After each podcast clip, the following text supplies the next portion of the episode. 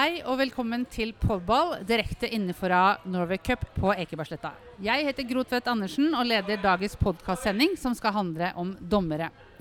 Med meg har jeg Trond Ivar Døvle, som er fagansvarlig for dommerutvikling i Norges Fotballforbund. Og jeg har med meg Oda Gjellum, snart 17 år, som dømmer fra FRI fra Bergen.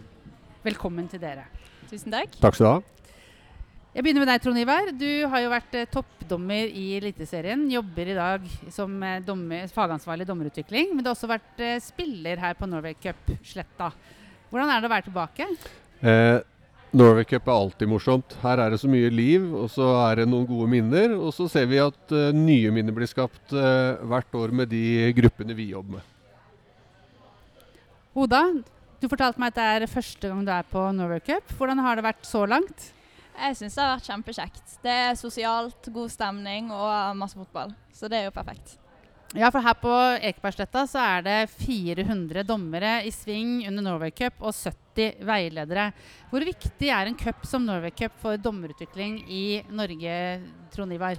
Eh, først og fremst så er det jo en kjempearena for gode opplevelser. Eh, og i tillegg så er vi så heldige at vi har kunnet bruke det som en eh, utviklingsarena for uh, tiltakene vi har i NFF.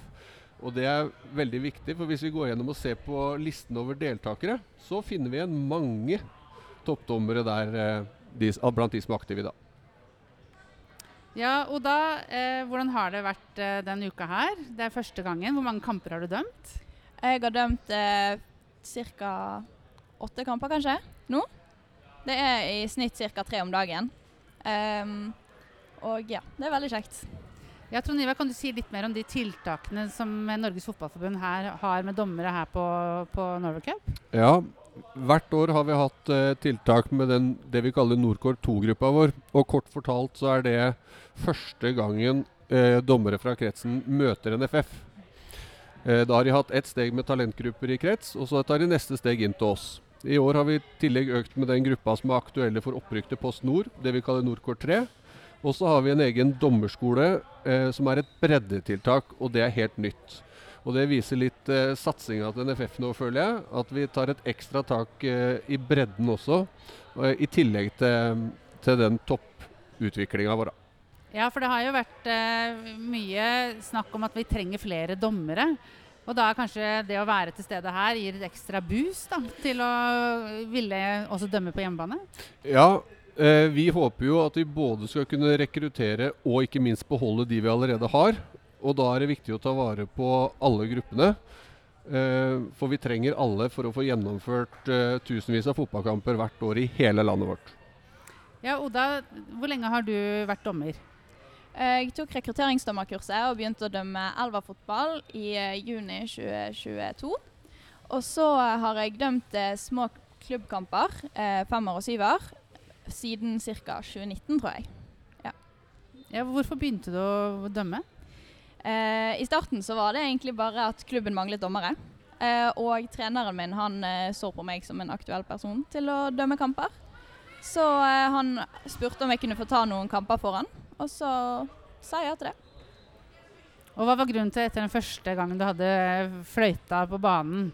Eh, husker du da den opplevelsen du hadde etterpå, som var grunnen til at du også fortsatte med å dømme? Jeg syns jo for det første det var veldig kjekt. Da var de jo veldig små. Så at jeg kunne hjelpe de små barna å forstå fotballen og bli bedre. Samtidig så er det jo eh, sosialt. Um, og jeg liker liksom å ha litt struktur. Og så syns jeg at det var um, en veldig kjekk opplevelse å på en måte føle at jeg hadde kontroll, og jeg hadde styringen, og folk hørte på meg. Ja, Trond Ivar, eh, er dette ting du hører fra andre dommere også? Eh, ja, nå var det jo mange, mange grunner til at Oda fortsatte. Det er jo ikke alle som har så mange, men allikevel så er det veldig mange som syns det er veldig gøy. Det, og det vil nok overraske mange at de tenker at fotballdømming er bare at du får kjeft, og så er ikke det noe kult. Men med en gang man prøver, så er det veldig mange som merker at her får jeg noe igjen for å, for å være utpå. Eh, så eh, om ikke det er ti grunner på alle, så er det nok mange av de grunnene Oda nevner her nå, som generelt går igjen. Ja, og her under Norway Cup eh, så er det jo en utviklingsarena for dommere. Hvordan er det dommerne da blir fulgt opp gjennom uka fra Norges Fotballforbund? På de tiltakene vi har, så går de sammen i trioer. Og så har de tre oppdrag per dag. Da har de gjerne to på formiddagen og én på kvelden. Og så har de med seg en veileder eller to. Nå har vi prøvd å få enda større tetthet på oppfølginga. Og så etter de har kjørt kampene, så har de samtaler om hva de har opplevd, og hva som har fungert, og hva de skal tenke på å jobbe med videre. I tillegg så har de samlinger med hele gruppa hvor de plukker ut eh, klipp eh, som de prater om og diskuterer. Så mm, de har en relativt innholdsrik dag, de som er på tiltakene våre. Ja, Oda, kan du, du sa du hadde drømt ca. tre kamper om dagen. Kan du ta oss gjennom hvordan en typisk dag for en dommer kan være på Norway Cup? Ja, altså på kvelden før da, så får du et oppsett. Eh, der det står en trio du skal dømme med, hvis du går på dommerskolen da. Um, og så får du vite hva kamper du skal ha. Uh, og da planlegger du jo når du skal stå opp. Um, så møtes man ofte i trioen, hvis man har trio, til frokost og snakker litt sammen, blir kjent. Ser litt på hvordan vi skal angripe kampen og generelt um, komme oss dit osv. Og, så um, er det kamp, da. Uh, og da uh, har vi tre kamper på dommerskolen. En som hoveddommer, en som AD1 og en som AD2. Sånn at du får prøvd alle de forskjellige rollene. Ja, og AD assistentdommer 1 og assistentdommer 2. Ja. Kan du si litt om forskjellen på det å være en hoveddommer og det å være en assistentdommer 1 og det å være en assistentdommer 2? Uh, å være hoveddommer, da er det jo det at du har hovedkontrollen over kampen. Og du er den med fløyten som eh, tar egentlig avgjørelsene, da. Assistentdommerne de er mer med for å hjelpe og løper jo langs sidelinjene. Så de kan varsle om både frispark og kast. Men hovedoppgaven deres er jo selvfølgelig å se på offsiden, da. For den er det vanskelig å ta som hoveddommer alene. Og hvilken av de rollene har du likt eh, best så langt? Jeg trives best som assistentdommer. Uh, ja. Og hvorfor trives du best som assistentdommer? Uh, det er litt mindre å tenke på. litt mindre ja. å tenke på. Um, og så føler jeg at det er lettere å ha Du skal bare ha fokus på én ting i hovedsak. Og så når du på en måte har kapasitet til det, så følger du med på resten også. Det høres bra ut. Eh, vi skal over til, til et eh, litt mer alvorlig tema. Eh, til det som går på uønska hendelser i fotballen og på hetsing og trakassering av dommere. Fordi hele én av fem dommere har, eh, sier i en undersøkelse som vi har årlig i Norges Fotballforbund, at de har opplevd hets og trakassering. Eh, Trond Ivar, hva er en typisk tilbakemelding som, som, du i Norges Fotballforbund får akkurat på dette temaet? Eh, ofte så er det trenere eller publikum som er uh, grove i språkbruken. Det er det vi ser mest. Men så har vi jo dessverre enda alvorligere saker også, hvor man eh, får tilbakemelding i sosiale medier etter kampen. Og så har vi også noen få, heldigvis, men allikevel for mange hendelser hvor det blir fysisk eh, kontakt. Ja, og hvordan kan, eh, hvordan kan klubber, hvordan kan foreldre, hvordan kan trenere gjøre noe med at så mange dommere opplever ubehagelige situasjoner i, i den viktige jobben som en dommergjerning er? Eh, jeg tror den, eh, For å si det enkelt, så tror jeg man skal forestille seg dommeren som sin egen nevø eller niese. Da tror jeg vi hadde unngått veldig mye. For det, det er mennesker, det er ofte unge mennesker, i de rollene. Eh, og så handler det jo egentlig om uh, sunn folkeskikk. Altså Vi kan jo ikke prate og behandle andre mennesker sånn i det hele tatt, om det er en, en dommer eller andre. Og så er det klart at uh, vi i NFF må se på hva vi kan gjøre for å komme fram til akkurat det. da. Og det må vi gjøre i samarbeid med kretser og klubber. For det er klart klubbene har jo stor påvirkningskraft. særlig gjennom treneren, som ofte er en nøkkelperson, tror jeg, for å få god stemning på banen. Ja, for vi ser her eh, På Norway Cup så er det jo innført eh, en kampvert eh, som er 90 år, på alle kamper. Eh, I samarbeid da med, med, oss i Norges Fotballforbund. Eh, hvor viktig tror du en sånn rolle er under en fotballkamp? Eh, jeg tror det kan påvirke det i stor grad. Det er klart det er ikke hele løsningen, men det er en, en viktig del av løsningen. nå har vi hatt det i alle kamper i NFF-systemet i et par sesonger, og vi ser at det hjelper. Og nå har de jo dratt det enda lenger her på Norway Cup. Nå har laga hver sin, så nå er det jo to kampverter. Eh, så vi håper og tror at det skal bidra til at stemninga blir best mulig til enhver tid. Oda, har du hatt noen uh, ubehagelige opplevelser som dommer? Jeg føler egentlig jeg har vært ganske heldig, fordi at jeg vet om veldig mange som har opplevd mye verre ting enn meg. Uh, men det har jo vært hendelser med grov språkbruk fra tribunene, da. Um, ja. Ja, hva gjør du når du opplever uh, grov språk, språkbruk fra tribunen? Altså, det har jo vært her på Norway Cup sist gang, da. Eh, da var det dessverre ikke jeg som eh, visste om det. Det var en eh, assistentdommer som kom bort og sa til, til oss etter kampen, da, resten av trioen. Um, og eh, det som skjedde da, var at han prøvde å eh, få de vekk. Um, og da kan man jo f.eks. bruke disse kampvertene til å få vist bort eh, de, den eller de som ikke følger reglene da, for språkbruk.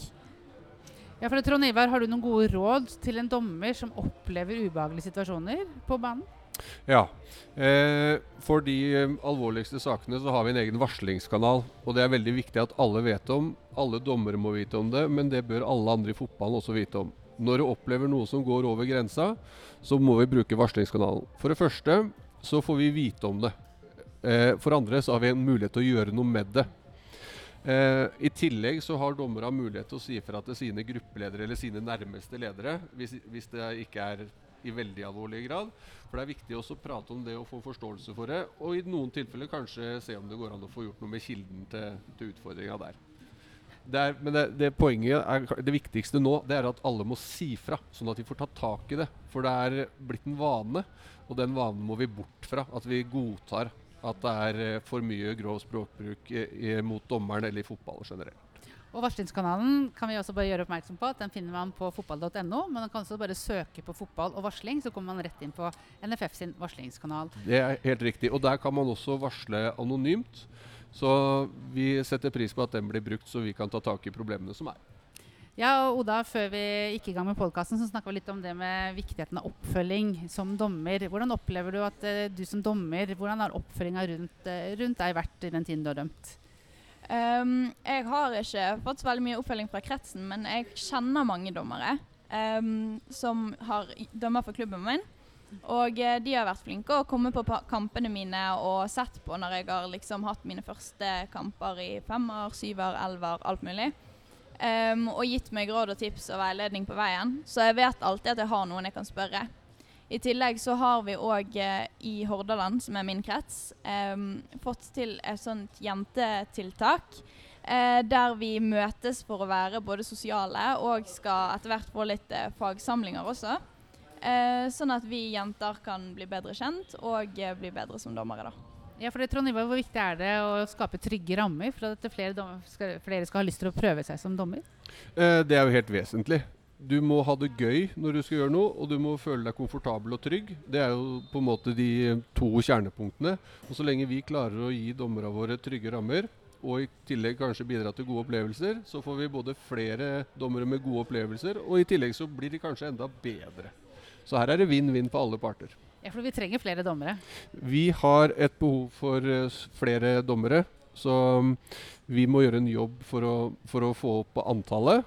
Og da trenger vi hjelp med trygge rammer ute på banene rundt omkring i hele landet vårt. Ja, for Oda, det er jo sånn at uh, Uten en dommer så blir det ingen kamp. Har du noen uh, tips til de som kanskje har en liten dommer i magen? Altså, Først og fremst er det jo bare å uh, kontakte klubben du tilhører, eller klubben i nærområdet, da. Um, og si at du kanskje har lyst til å prøve deg som dommer. Så kan du ta noen klubbkamper først, hvis du syns det er trygt. Hvis ikke, så er det jo bare til å melde seg på et eh, rekrutteringsdommerkurs eller et klubbdommerkurs. Så uh, kommer du fort i gang. Og det er jo veldig uh, Selv om det kan virke veldig skummelt å stå ute på banen der, så får du ganske stor respekt ganske fort. I I hvert fall hos de små. Um, og derfor så blir det ganske trygt. Så lenge du er god til å liksom snakke med lagledere og trenere før kampen. Og kanskje si at jeg er ny, um, og jeg skal gjøre mitt beste.